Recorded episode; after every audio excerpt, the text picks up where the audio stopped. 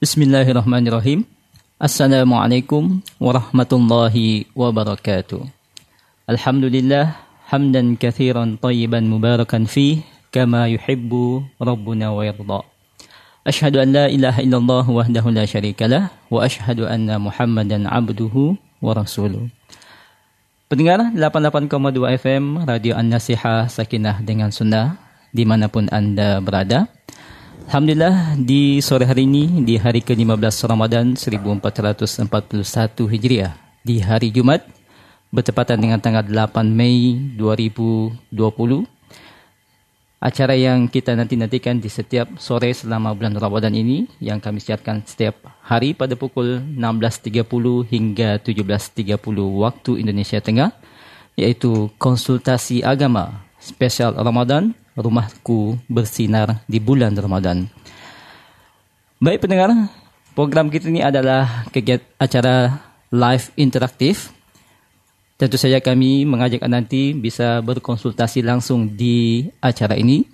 Silahkan Anda nanti bisa menghubungi kami di 081144588882 untuk Anda ingin berkonsultasi langsung atau Anda bisa mengirimkan pertanyaan Anda via SMS, WhatsApp ataupun Telegram di 0811413636. 0811413636. Tak lupa kami Anda menyapa Anda pendengar yang mendengarkan siaran kami di 675 AM Syiar Tauhid Jabodetabek dan Anda juga di Solo yang mendengarkan lewat radio 107,5 FM Al-Madinah. Dan Anda yang ingin melihat streaming acara kami ini bisa dilihat di YouTube dan Facebook akun Zulkarnain Muhammad Sunusi dan Radio An-Nasihah. Baik pendengar yang insya Allah dirahmati oleh Allah Subhanahu Wa Taala, waktu di studio sudah menunjukkan pukul 16.42 waktu Indonesia Tengah. Segera kita dengarkan tausiah dari guru kita Al Ustaz Zulkarnain bin Muhammad Sunusi di konsultasi agama spesial Ramadan, rumahku bersinar di bulan Ramadan. Tafadhal Ustaz. Bismillahirrahmanirrahim. Alhamdulillahi rabbil alamin. Wassalatu wassalamu ala al-mabawthi rahmatan lil alamin. Nabiina Muhammad wa ala alihi wa sahbihi wa man tabi'ahum bi ihsanin ila yaumiddin amma ba'd. Kaum muslimin dan muslimat, para pendengar, di mana pun Anda berada. Assalamualaikum warahmatullahi wabarakatuh. Sebuah ayat di surah At-Taubah adalah kaidah di dalam membangun jalan bersama Rasulullah SAW dan para sahabatnya yang merupakan salah satu simbol kelurusan dan pijakan di dalam kehidupan untuk seorang muslim dan muslimah yaitu firman Allah Subhanahu wa taala wassabiqun al-awwaluna minal muhajirin wal ansar walladzina ittaba'uuhum bi ihsan. Radhiyallahu anhum waradu radu وأعد لهم جنات تجري تحتها الأنهار خالدين فيها أبدا ذلك الفوز العظيم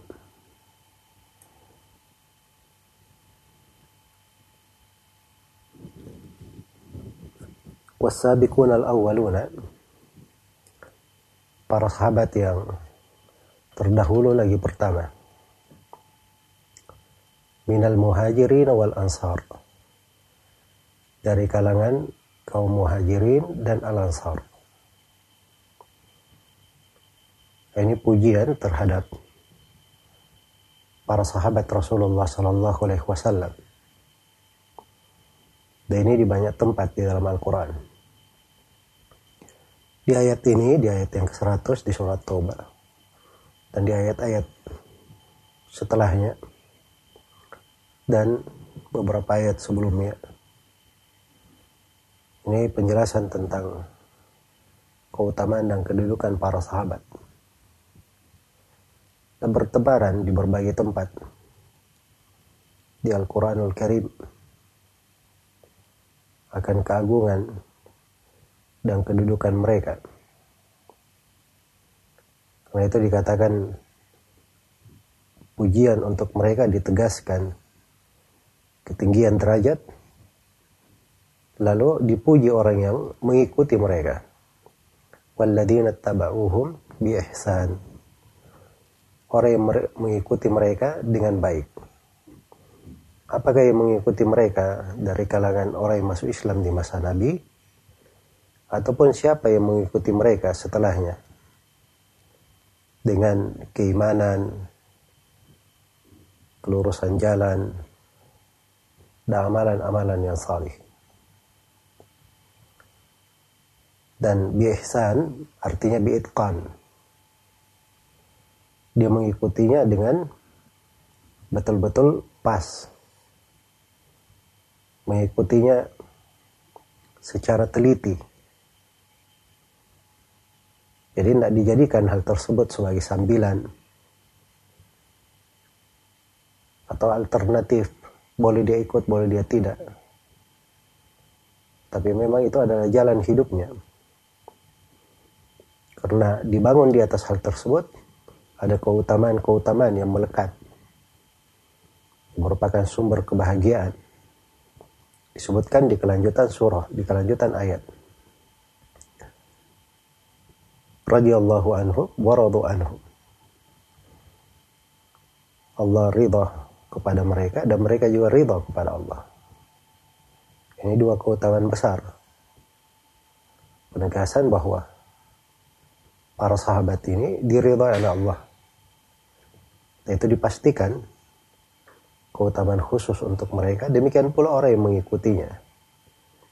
Siapa yang ingin diridhai oleh Allah Subhanahu wa taala, maka hendaknya mereka mengikuti jalan para sahabat Rasulullah sallallahu alaihi wasallam dengan benar. Dan penyebutan ridha untuk para sahabat itu diterangkan juga di dalam ayat yang lain Laqad radiyallahu 'anil mu'minina idh yubayi'unaka tahta asy-syajarah. Sungguh Allah telah ridha terhadap kaum mukminin ketika membaiat engkau di bawah pohon. Ini keridhaan khusus terhadap sejumlah sahabat yang hadir di Baiatur Ridwan. Keutamaan yang sangat besar. Dan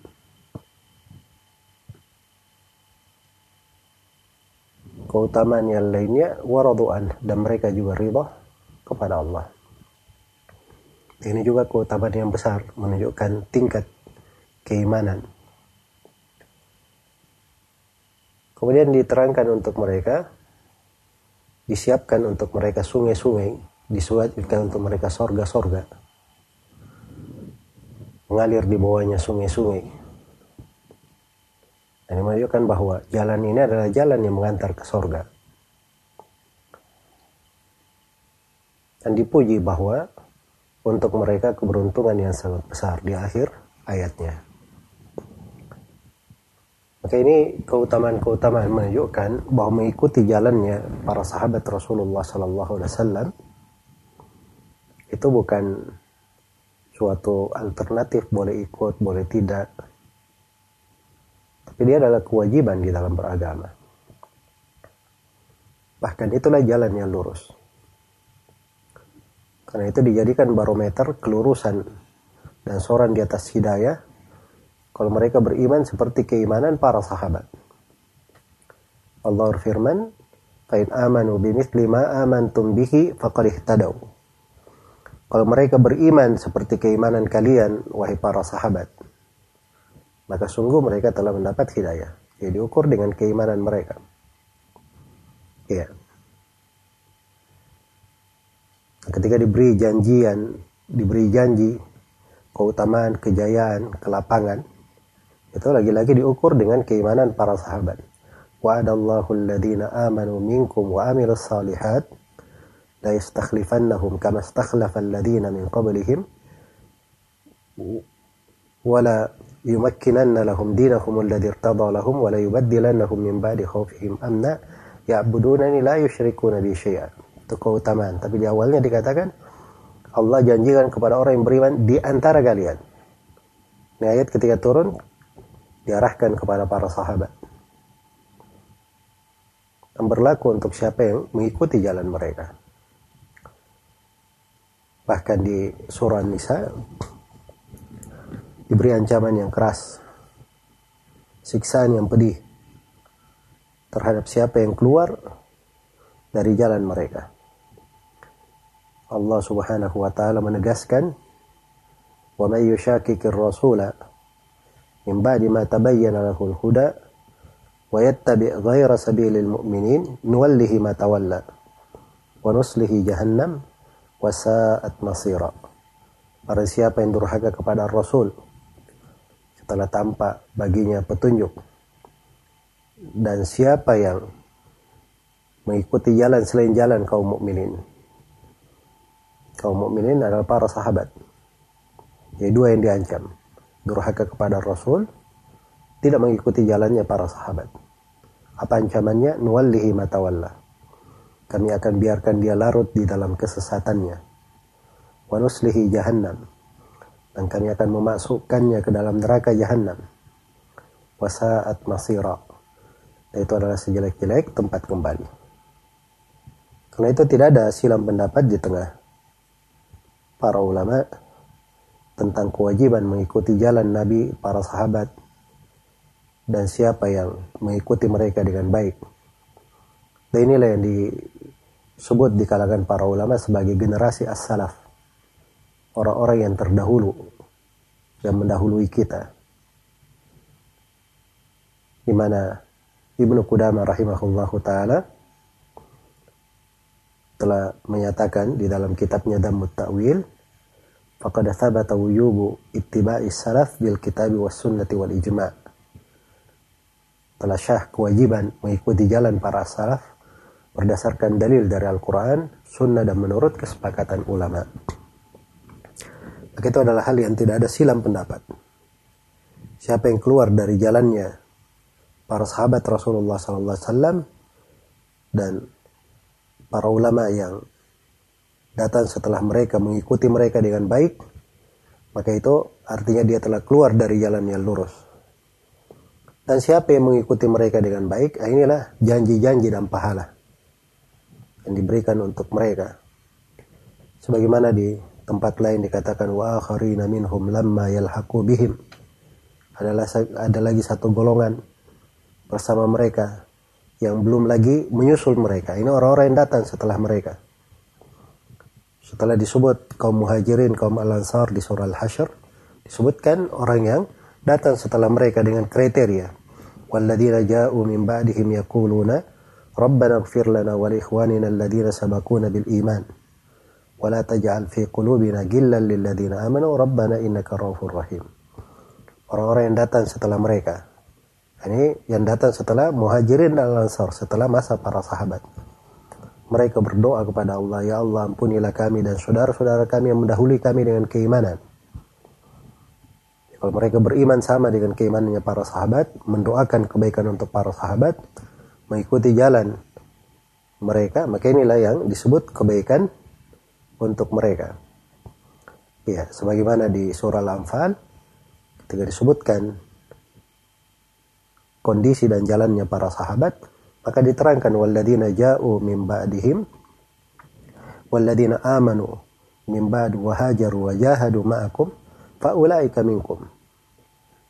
Adapun orang yang beriman setelah kalian atau beriman setelah itu. Kemudian dia uh, berhijrah. Lalu dia juga berjihad bersama kalian. Maka mereka itu masuk dari kalian. Jadi sepanjang dia mengikuti jalannya para sahabat Rasulullah Alaihi Wasallam, begitu adalah sebuah kebaikan. Kaum muslimin dan muslimat, di mana pun anda berada, perlu kita renungi makna ini dalam kehidupan, khususnya di bulan Ramadan ini. Kita lihat di mana langkah kita selama ini. Semua dari kita mendambakan dikumpulkan bersama Nabi Shallallahu Alaihi Wasallam dikumpulkan bersama para sahabat Nabi di sorga. Tetapi yang menjadi masalah, kita kurang di dalam memperhatikan di mana langkah kita bersama mereka. Di mana kehidupan kita bersama Rasul dan para sahabatnya. Jangan sampai kita selama ini berada di golongan yang di luar jalur mereka. Karena itu siapa yang ingin mendapatkan kebaikan, maka dia perbaiki keimanannya. Dia perbaiki keyakinannya terhadap Rasulullah dan para sahabatnya. Apalagi Nabi Shallallahu Alaihi Wasallam sudah memberikan kuncinya dalam sebuah hadis yang diriwayatkan oleh Al Bukhari dan Muslim Nabi bersabda, Almaru ma'aman ahabba. Seorang itu bersama siapa yang dia cintai. Dia akan dikumpulkan di sorga bersama siapa yang dia cintai. Memang kita mungkin tidak bisa beramal seperti amalannya Rasulullah, amalannya para sahabat. Dan kalau kita beramal sepanjang hidup pun, dengan segala ketaatan, kita tidak akan mencapai amalan Nabi dan para sahabat. Tetapi kita diberi sebuah ketaatan yaitu cinta kepada mereka dengan cinta yang benar. Ikut di atas langkah mereka tapak tilas di atas kehidupan mereka. Itu adalah jalan agar supaya bisa dikumpulkan bersama mereka walaupun kita tidak mencapai amalan mereka. Karena Nabi bersabda al-mar'u ma'aman ahabba seseorang itu bersama siapa yang dia cintai. Maka perhatikan dari kehidupan ini. Ya, kita di masa seperti ini pun walaupun misalnya di, di kondisi banyak ujian dan cobaan, ada musibah, ada wabah yang melanda manusia di penjuru alam. Ya kalau dibandingkan dengan keadaan para sahabat di masa Nabi Wasallam ya kekurangan dalam pakaian, dalam makanan, dalam tempat tinggal itu lebih dahsyat di masa mereka. Tapi bersamaan dengan itu mereka adalah orang-orang yang hidup dengan kehidupan yang bahagia. Orang-orang yang mengukir sejarah di dalam agama, menjadi panutan manusia hingga hari kiamat dan selalu ditinggikan derajatnya oleh Allah Subhanahu wa taala. Ini suatu mana di dalam kehidupan hendaknya kita renungi dengan baik. Selalu kita mengambil jalan di atas jalan mereka. Bagaimana kita memanfaatkan bulan ini dengan puasa, dengan melakukan sholat malam, ya, dengan doa, dengan membaca Al-Quran, dengan taat kepada pemerintah pada hal yang membawa kebaikan untuk semuanya. Mematuhi apa-apa yang bisa menyelamatkan jiwa menjadi sebab terselamatkannya jiwa. Itu semuanya adalah jalannya Rasulullah Sallallahu Alaihi Wasallam dan para sahabatnya. Maka semoga Allah Subhanahu Wa Taala selalu mencatat kita semua sebagai hamba-hambanya yang salih dan di pertengahan bulan Ramadan ini Semoga Allah Subhanahu wa taala uh, menguatkan jalan kita mengikuti jejak Nabi sallallahu alaihi wasallam dan para sahabatnya. Innahu waliyyu dzalika wal qadiru alaihi wallahu taala alam. Baik, pendengar 88 Kemudian FM Radio Nasihat Sakinah dengan Sunnah di mana, di mana pun Anda berada. Demikianlah tadi kita telah dengarkan tausiah ringkas dari Al-Ustaz Zulkarnain Hafizullah Ta'ala. Di edisi hari ini hari Jumat tanggal 15 Ramadan 1441 Hijriah. Baik saatnya kami membuka sesi tanya jawab. Silahkan Anda yang ingin berkonsultasi langsung, Anda bisa menghubungi kami di nomor telefon 0811445882 atau Anda bisa mengirimkan pertanyaan Anda via SMS, WhatsApp ataupun Telegram di 0811413636 0811413636 Baik Ustaz, sudah ada penelpon yang masuk, bisa kita angkat? Baik.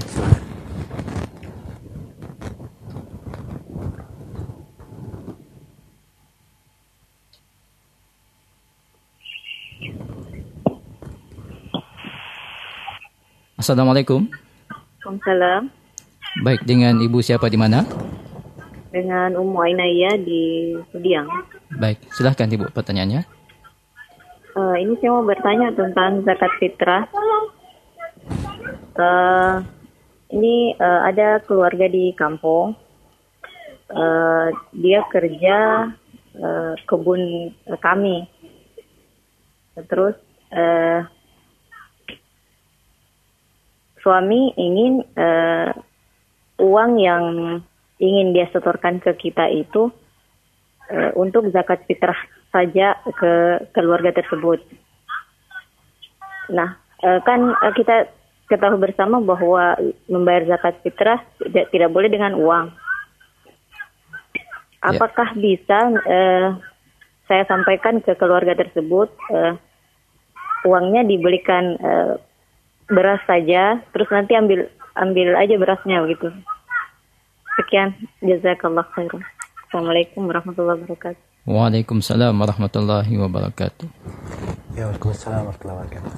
Baik, terkait dengan pertanyaan uh, apakah boleh uang yang diberikan dalam kasus yang disebutkan tadi itu diamanahkan kepada penerima agar supaya dibelikan beras Ya jawabannya boleh saja, nggak ada masalah. Sepanjang uang yang akan diberikan cukup untuk jumlah beras uh, ibu penanya bersama seluruh keluarga yang akan dikeluarkan zakat fitrinya, maka tidak ada masalah. Tapi kalau dia wakilkan ke pihak ketiga, nah itu mungkin akan lebih lebih bagus, iya, agar supaya dipastikan bahwa yang keluar itu memang adalah beras, karena uh, Nabi Shallallahu Alaihi Wasallam di dalam zakat fitri itu itu mengeluarkannya berupa satu sok dari makanan pokok yang biasa dimakan. Iya. Semoga Allah Subhanahu wa taala memberi taufik kepada semuanya wallahu taala di sini ada yang bertanya mulai malam ke-15 Ramadan ya di sesi kedua ini disunnahkan untuk menambah doa kunut sawitir. Bagaimana bacaan witir yang sesuai sunnah? Dan apa faedah doa kunut tersebut? Yang pertama perlu diketahui bahwa doa kunut witir yang dibaca di sholat witir itu diajarkan oleh Nabi Shallallahu Alaihi Wasallam eh, kepada cucu beliau Al Hasan bin Ali radhiyallahu anhu.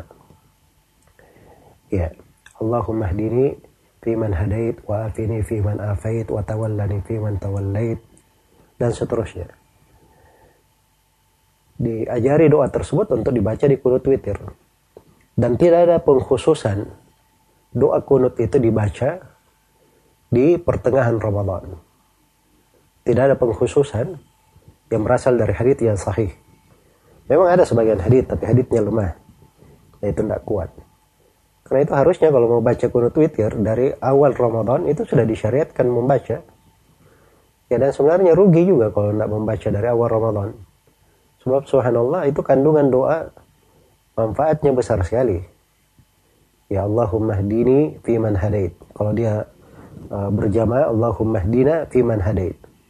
Ya Allah berilah hidayah kepada kami supaya tergolong kepada orang-orang yang diberi hidayah. Wa tawallana fi man tawallait. Dan lindungilah kami tolonglah kami sehingga kami tergolong kepada orang-orang yang kau beri walaya, beri perlindungan, beri pertolongan, beri bantuan. Ya, wa tawallani fi man tawallait wa barik lana fi ma atait dan berkahilah kami pada apa yang engkau berikan kepada kami. Wa kina syarra ma qadait.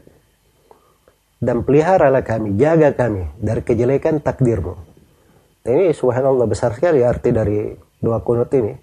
Khususnya di masa pandemi seperti ini kita berlindung dari segala musibah, segala kejelekan, ya, segala ketentuan yang bisa membahayakan.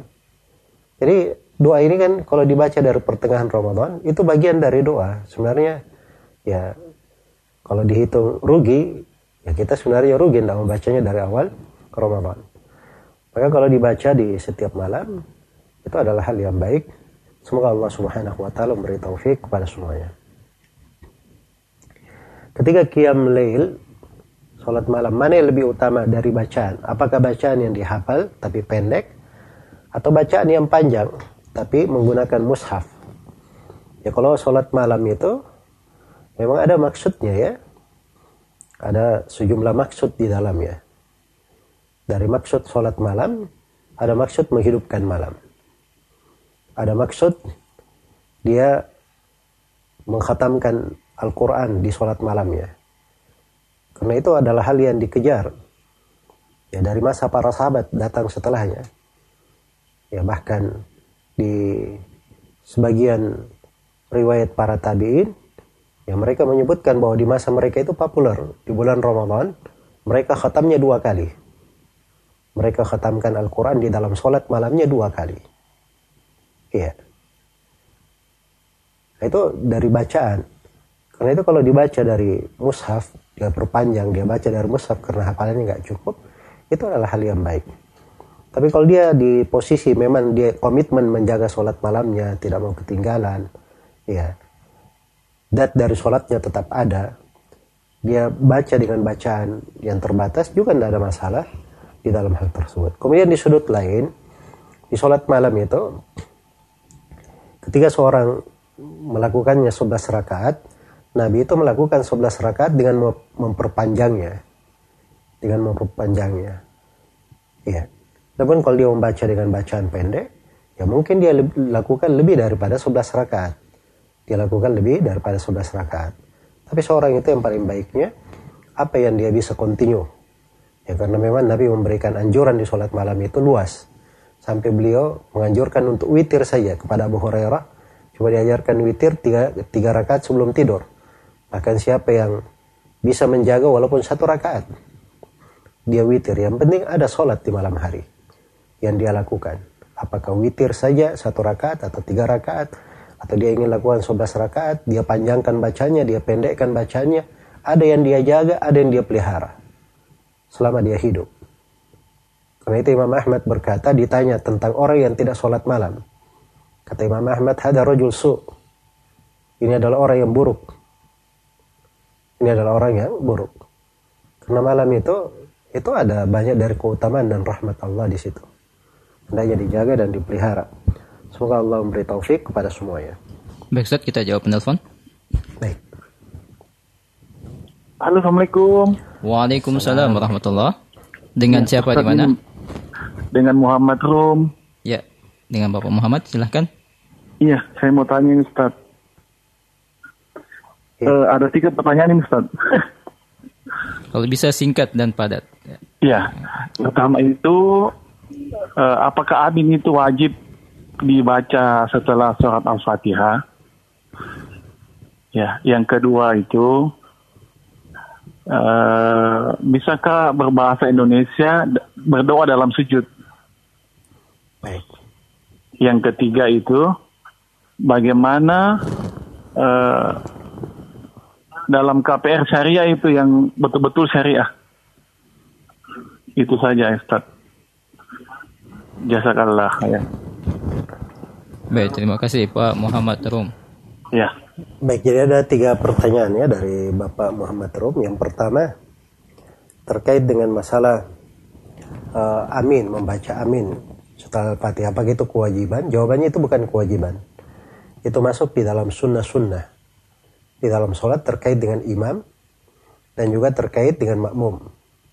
Juga terkait dengan makmum. Tapi kalau misalnya dia sholat berjamaah, apakah makmum wajib mengikuti imam? Nah, itu mungkin kalau dikatakan wajib makmum mengikuti imam, nah, itu ada sudut kekuatan dari uh, apa namanya pendalilan. Terus yang kedua terkait dengan sujud, apakah boleh doa dengan bahasa Indonesia? Jawabannya Nabi Shallallahu Alaihi Wasallam itu mengajarkan doa-doa, ya, yang dibaca dibaca di segala keadaan. Doa-doa yang maknanya sangat luar biasa. Universal mencakup segala yang diperlukan oleh hamba di dunia dan di akhirat. Maka kalau kita membaca dengan apa yang diajarkan oleh Nabi itu lebih baik. Tapi kalau seorang kemampuannya dia cuma bisa berdoa dengan bahasa Indonesia, ada keinginannya yang dia sampaikan, dia nggak bisa menyampaikan kecuali dengan bahasa Indonesia, maka itu tidak ada masalah, insya Allah ta'ala. Kemudian yang ketiga terkait dengan KPR sesuai dengan syari. KPR itu bentuk transaksi muamalah ya, modelnya banyak. Ya saya nggak bisa uh, mengatakan bahwa syari itu begini dan begini karena di dalam hukum muamalah itu asalnya Allah firman wa halallahu al Allah halalkan untuk kalian jual beli. Itu hukum asal. Jadi dia bisa berubah menjadi banyak bentuk. Sepanjang tidak ada pelanggaran syariat di dalamnya, tidak ada riba, tidak ada bentuk kedoliman, ya, dan tidak ada bentuk memakan harta manusia tanpa hak, di luar jalur keadilan, maka apa namanya selalu di dalam tempo, di dalam bentuk keadilan, maka sepanjang dia mencocoki ketentuan-ketentuan syariat, maka itu tidak ada masalah, insya Allah taala. Ya semoga Allah memberi taufik kepada semuanya.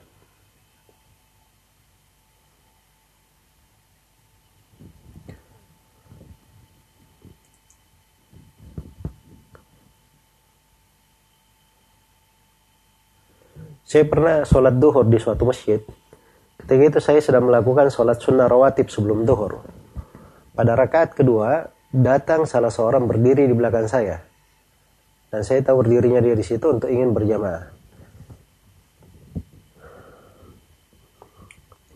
Dia berdiri di samping kanan belakang saya. Apakah boleh kami eh, kita sholat dengannya dan saya menetapkan niat sholat sunnah namun menjadikan empat rakaat dengan tujuan ingin bersedekah dengannya. Ya, jadi kalau dia cuma sholat sunnah, dia sekarang sedang sholat sunnah, maka dia sempurnakan sholatnya.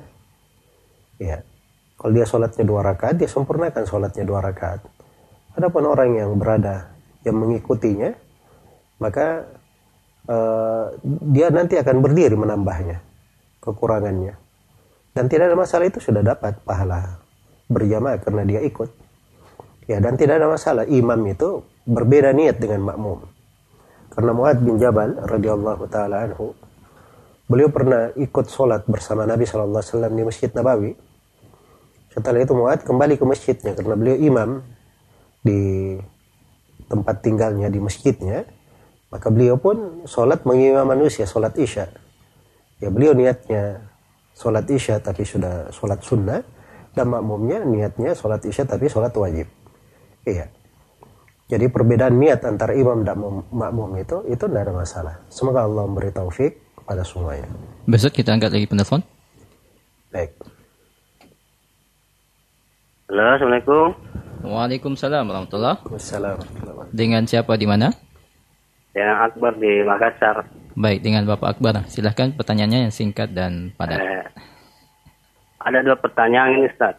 Ya, silakan. Pertanyaan pertama, eh, awal malam saya melakukan salat tarawih witir 11 rakaat. Di sepertiga malam saya lanjut salat tahajud 10 rakaat, Ustaz. Apa itu boleh, Ustaz? Baik. Yang kedua, tiga tahun yang lalu, Ustaz, istri saya pergi meninggalkan saya, Ustaz. Tapi sekarang istri saya sudah muncul kembali. Pertanyaan saya, Ustaz, pernah saya mentalak istri saya bukan di hadapannya Ustaz. Tapi di hadapan Allah. Dan saya pernah juga bilang sama adik saya, dia bukan istriku lagi. Apakah itu sah Ustaz? Dia bukan istriku lagi apa atau sebaliknya? Itu aja Ustaz. Baik. Assalamualaikum. Waalaikumsalam warahmatullahi wabarakatuh. Waalaikumsalam warahmatullahi wabarakatuh. Baik, terkait dengan pertanyaan yang pertama, jadi kalau Pak Akbar biasanya sholat malam, sholat tarawih di awal malam, karena bersama keluarga akhirnya witir, ya, dan di tengah malam ditambah 10 rakaat, itu nggak ada masalah, itu adalah hal yang bagus. Karena di malam hari itu, uh, jumlah sholat tidak terbatas. Karena Nabi SAW bersabda di dalam hadits yang diriwayatkan oleh Imam Muslim, Salatul lail mathna mathna. Salat malam dua rakaat, dua rakaat. Tapi memang witirnya tidak boleh dua kali. Karena di hadits lain Nabi bersabda la witrani fi laylah. Tidak ada dua witir dalam satu malam. Jadi witir itu cuma sekali saja. Iya. Tapi kalau Pak Akbar ya misalnya sholat tarawihnya di awal malam sendiri, ya maka sebaiknya witirnya diakhirkan saya. Karena witir itu yang paling bagusnya kalau dia berada di akhir. Ya di awal malam dia 10 rakaat misalnya, nanti di akhir malam 11 rakaat. Agar supaya dia tutup dengan ganjil di akhirnya. Tapi kalau mau dengan bentuk yang pertama juga tidak ada masalah insya Allah.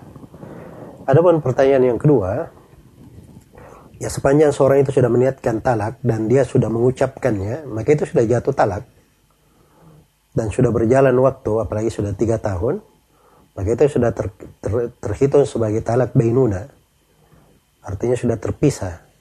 Ya kalau ingin kembali lagi itu uh, dengan akad nikah baru. Boleh kembali tapi dengan akad nikah baru. Itu jawaban umum terkait dengan pertanyaan ini. Tapi saya nasihatkan kepada uh, Pak Akbar yang bertanya untuk mendatangi KUA dan menyampaikan masalahnya. Kemudian mereka pelajari lebih mendetail terkait dengan masalah uh, status hubungan antara keduanya untuk saat ini. Semoga Allah Subhanahu wa taala memberi taufik untuk semuanya wallahu taala alam.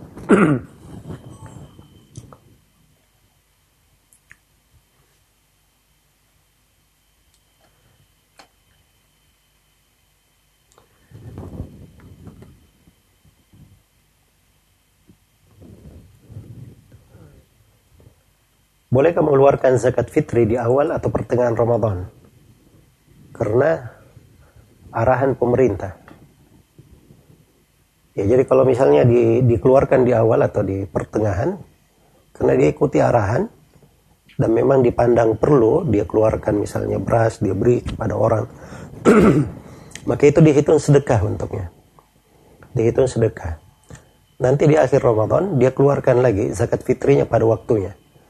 Dan zakat fitri itu boleh dikeluarkan bermula dari tanggal 28 Ramadan dan berakhir ketika imam sudah berdiri untuk sholat id. Semoga Allah memberi taufik kepada semuanya. Wallahu ta'ala alam.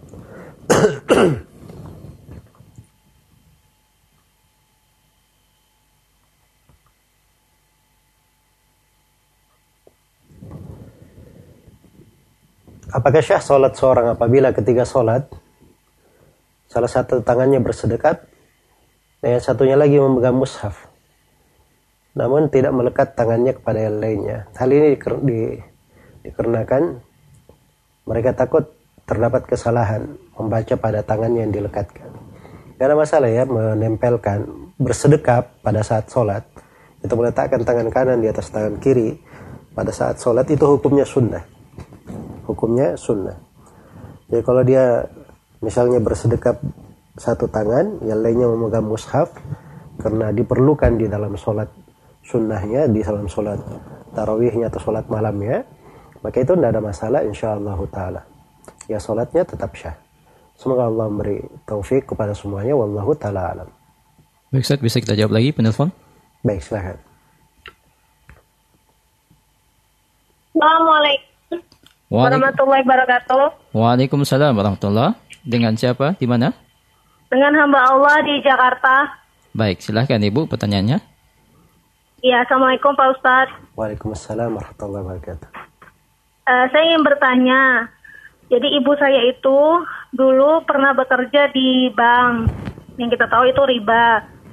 Alhamdulillah uh, dia sudah resign, memang sudah diberikan hidayah sebelum pensiun, tapi dia tidak menunggu masa pensiunnya, dia langsung resign alhamdulillah namun uh, setiap bulannya karena pensiun ini tetap menerima uang bulanan pensiun. Nah apakah itu uh, halal pensiunnya Ustaz? Apakah termasuk tidak boleh karena riba? Itu yang pertama. Yang kedua uh, masalah head nih Pak Ustadz uh, ada teman saya yang bertanya uh, dia head biasanya tidak lebih dari tujuh hari.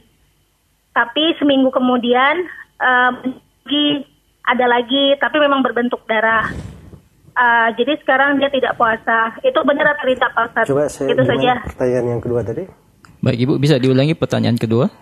Ya, pertanyaan kedua, uh, teman saya bertanya, dia biasa head tujuh hari ya. maksimal. Namun seminggu kemudian dia keluar lagi darahnya, headnya. Apakah itu termasuk darah yang tidak boleh sholat dan puasa atau kok memang tetap harus puasa dan sholat? Baik. Itu Baik. saja. Terima kasih Ustaz. Ya. Assalamualaikum warahmatullahi wabarakatuh. Waalaikumsalam warahmatullahi wabarakatuh. Baik, adapun pertanyaan yang pertama terkait dengan masalah uh, ibu penanya yang pernah kerja di bank kemudian resign dan uh, masih mendapatkan uang pensiunan dari hal tersebut. Yang pertama hukum orang yang bertobat dari riba, dari harta riba, atau bekerja pada tempat yang ada riba di dalamnya. Itu disebutkan hukumnya di dalam Al-Quran. Allah berfirman, "Faman ja'ahu mau'izatun min rabbih fantaha falahu ma salafa wa amruhu ila Allah." Barang siapa yang datang kepadanya nasihat tentang bahaya riba, dosa, dan ancamannya, lalu dia berhenti, dia bertobat. Maka apa yang telah lalu itu menjadi milik dia. Dan perkaranya kembali kepada Allah. Ya, jadi misalnya uh, beliau sudah uh, selama kerja sudah membangun rumah, selama kerja sudah membeli mobil, selama kerja sudah menabung, selama kerja di perusahaan disisihkan untuk dia uang pensiunan, Ya, setelah itu dia tidak tahu hukum. Setelah tahu hukum dia berhenti.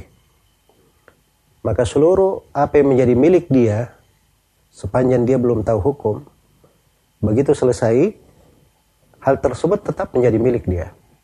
Jadi kalau uang pensiunan yang ditanyakan itu sifatnya dari bagian dari uh, hasil kerja dia sepanjang dia kerja dulu disimpankan, ditabungkan untuknya, kemudian diberikan sebagai uang pensiunan, maka itu nggak ada masalah untuk diambil. Iya. Tetapi kalau dia dari harta baru, uang pensiunan dari harta baru diberikan oleh bank, tidak ada kaitannya dengan kerjaannya. Misalnya bonus karena dia dulu uh, bekerja di di situ, nah, maka ini masuk di dalam hal yang tidak dibolehkan karena terkait dengan riba. Ya seorang yang sudah bertobat dia berlepas dari hal yang seperti itu. Dan saya nggak tahu dari jenis yang ditanyakan itu masuk ke mana. Silahkan dilihat apa hakikat dari pemberian yang diberikan oleh pihak bank tersebut. Kemudian yang kedua, seorang perempuan itu kalau dia sudah punya kebiasaan haid, misalnya yang diberi ditanyakan uh, seorang perempuan punya kebiasaannya tujuh hari, ya kapan keluar darah di luar kebiasaannya, maka darah itu ada dua, salah satu dari dua hukumnya. Apakah dihitung darah rusak dan ini tidak ada hukumnya sama sekali atau dihitung sebagai darah istihadah. Kalau darah istihadah dia sama dengan darah rusak atau darah suci itu nggak ada masalah. Ya tetap sholat. Maka di kasus yang disebutkan tadi ya sudah sepekan setelah sucinya keluar darah itu tidak dihitung sama sekali dan tidak boleh dia menghitungnya. Dia tetap wajib sholat dan tetap wajib untuk berpuasa. Semoga Allah memberi taufik kepada semuanya. Wallahu ta'ala alam.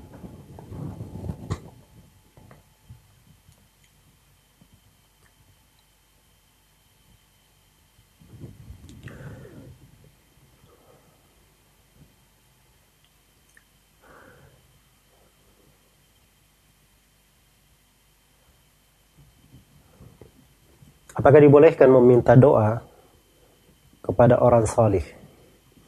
Jawabannya boleh saja meminta doa kepada orang salih. Karena Nabi Shallallahu Alaihi Wasallam pernah berkata kepada sebagian sahabatnya, jangan lupakan kami dari doamu. Dan Nabi Shallallahu Alaihi Wasallam pernah berpesan kepada Umar, kalau bertemu dengan Uwais al Qarni, agar supaya meminta supaya didoakan. Maka boleh saja hal tersebut dilakukan. Iya. Cuman siapa orang soleh tersebut? Ya, ini yang menjadi masalah. Kadang kalau ditanyakan kepada seseorang, lalu disebut bahwa dirinya orang salih, belum tentu orang tersebut menganggap dirinya sebagai orang salih. Kita semua ini orang-orang yang uh, mengkhawatirkan dari dosa-dosa kita, dari kesalahan-kesalahan kita, ya. Dan juga kita sangat khawatir masuk ke dalam golongan orang-orang yang memuji dirinya, berbangga dengan dirinya. Namun kalau misalnya ada saudara yang minta untuk didoakan, maka kita doakan untuk hal tersebut. Dan ini hari yang bagus, hari Jumat. Waktu doa mustajabah. Seluruh hari Jumat itu doa mustajabah. Apalagi setelah sholat asar sampai maghrib. Itu lebih mustajabah lagi. Maka saya bermohon kepada Allah Subhanahu wa taala supaya Allah Subhanahu wa taala menganugerahkan kebaikan untuk kita semua dan selalu menjaga agama kita, mengukuhkan kita di atas keislaman dan mewafatkan kita di atas keislaman dan membangkitkan kita di atas keislaman.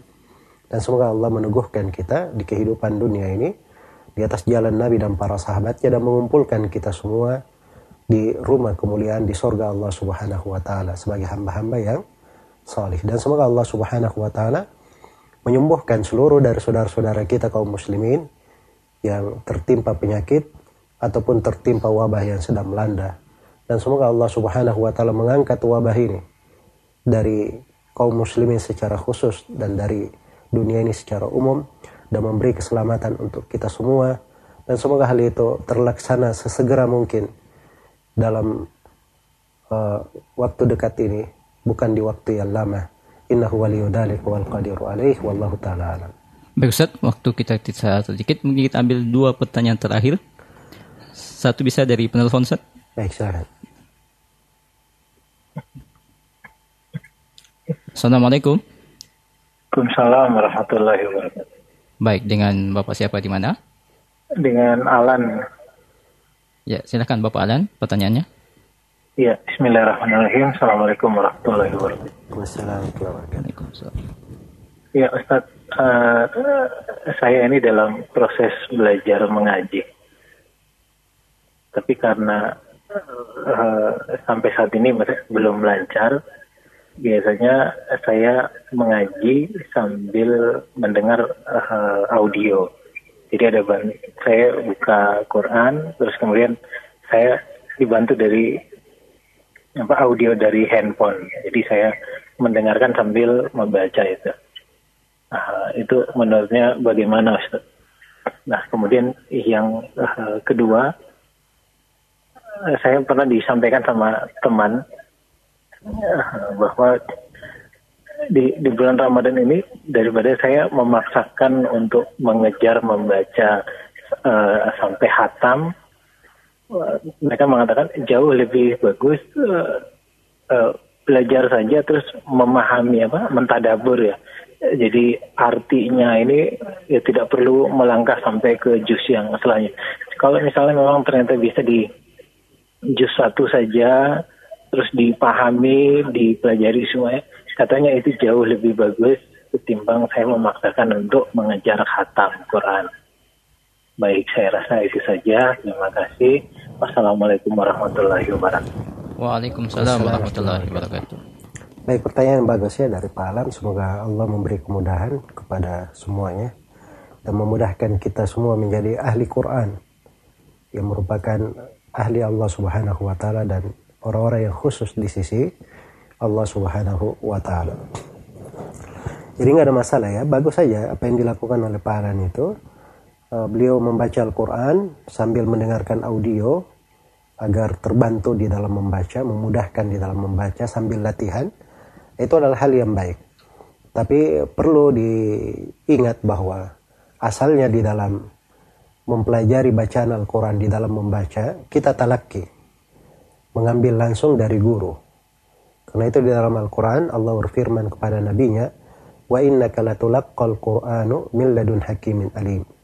Dan sungguhnya engkau Nabi Muhammad menerima Al-Quran dari sisi Allah.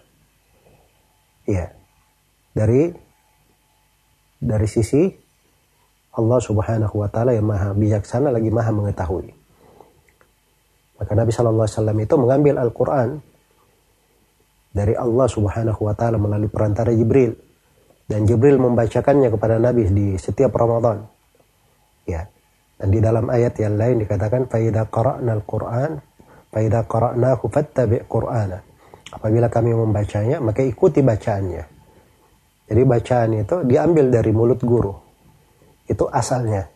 Tapi kalau seorang ingin mempermudah dia baca sekarang dengan media-media yang ada alhamdulillah itu bisa memudahkan ya dan di masa mendatang insya Allah kita semakin baik dan ini awal yang baik di bulan Ramadan kita membacanya semoga insya Allah taala eh, setelah Ramadan atau di hari-hari mendatang kita menggunakan lebih baik dan lebih maksimal lagi apalagi kalau ingin belajar dari guru sekarang ini kita bisa belajar langsung dari guru walaupun dari pihak online kadang ada kesalahan-kesalahan di dalam harokat bacaan itu bisa diluruskan dengan teguran guru.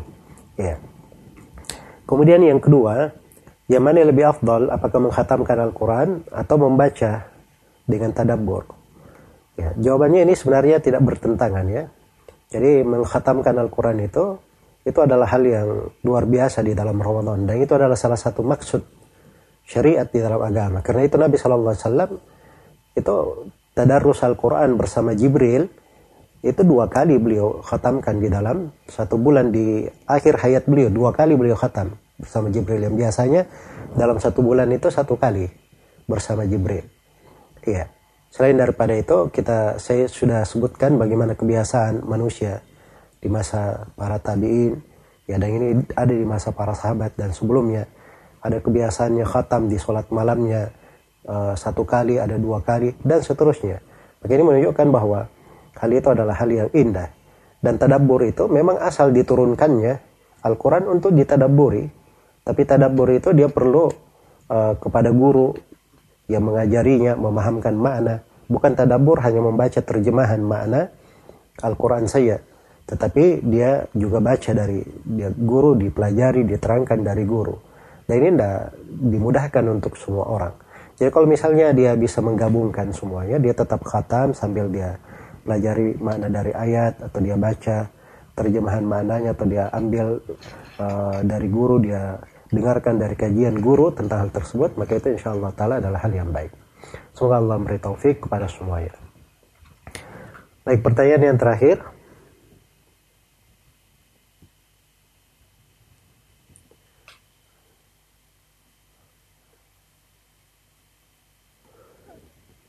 Apakah orang tua boleh diberi zakat fitri jika tidak serumah? Dan apakah da, da apabila orang tua tidak mampu?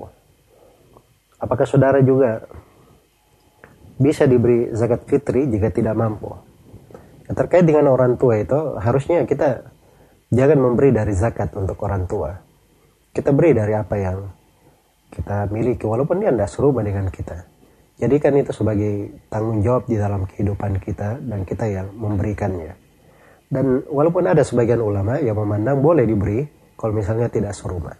Adapun uh, saudara kalau memang tidak mampu dan dia tidak serubah dengannya, maka itu uh, boleh diberi zakat fitri. Semoga Allah memberi taufik kepada semuanya. Wallahu taala alam.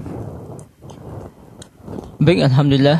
Demikianlah tadi kita telah ikuti rangkaian interaktif konsultasi agama spesial Ramadan Rumahku Bersinar di bulan Ramadan. Di edisi hari ini hari Jumat 15 Ramadan 1441 Hijriah atau bertepatan dengan tanggal 8 Mei 2020. Tak lupa kita ucapkan jazakallah khair wa barakallahu fi kepada guru kita Ustaz Zulkarnain bin Muhammad Sunusi hafizahullah taala. Baik untuk Anda pendengar yang mungkin terlewatkan dari mengikuti konsultasi agama kita pada sore hari ini, Anda bisa mendengarkan siaran ulang besok di pukul 3.30 hingga 4.30 dini hari menjelang sahur waktu Indonesia Tengah. Dan kami informasikan untuk warga Makassar dan sekitarnya waktu berbuka puasa ini, hari ini 15 Ramadan pada pukul 17 lewat 59 menit waktu Indonesia Tengah dan besok waktu solat subuh pada pukul 4 lewat 44 menit waktu Indonesia Tengah.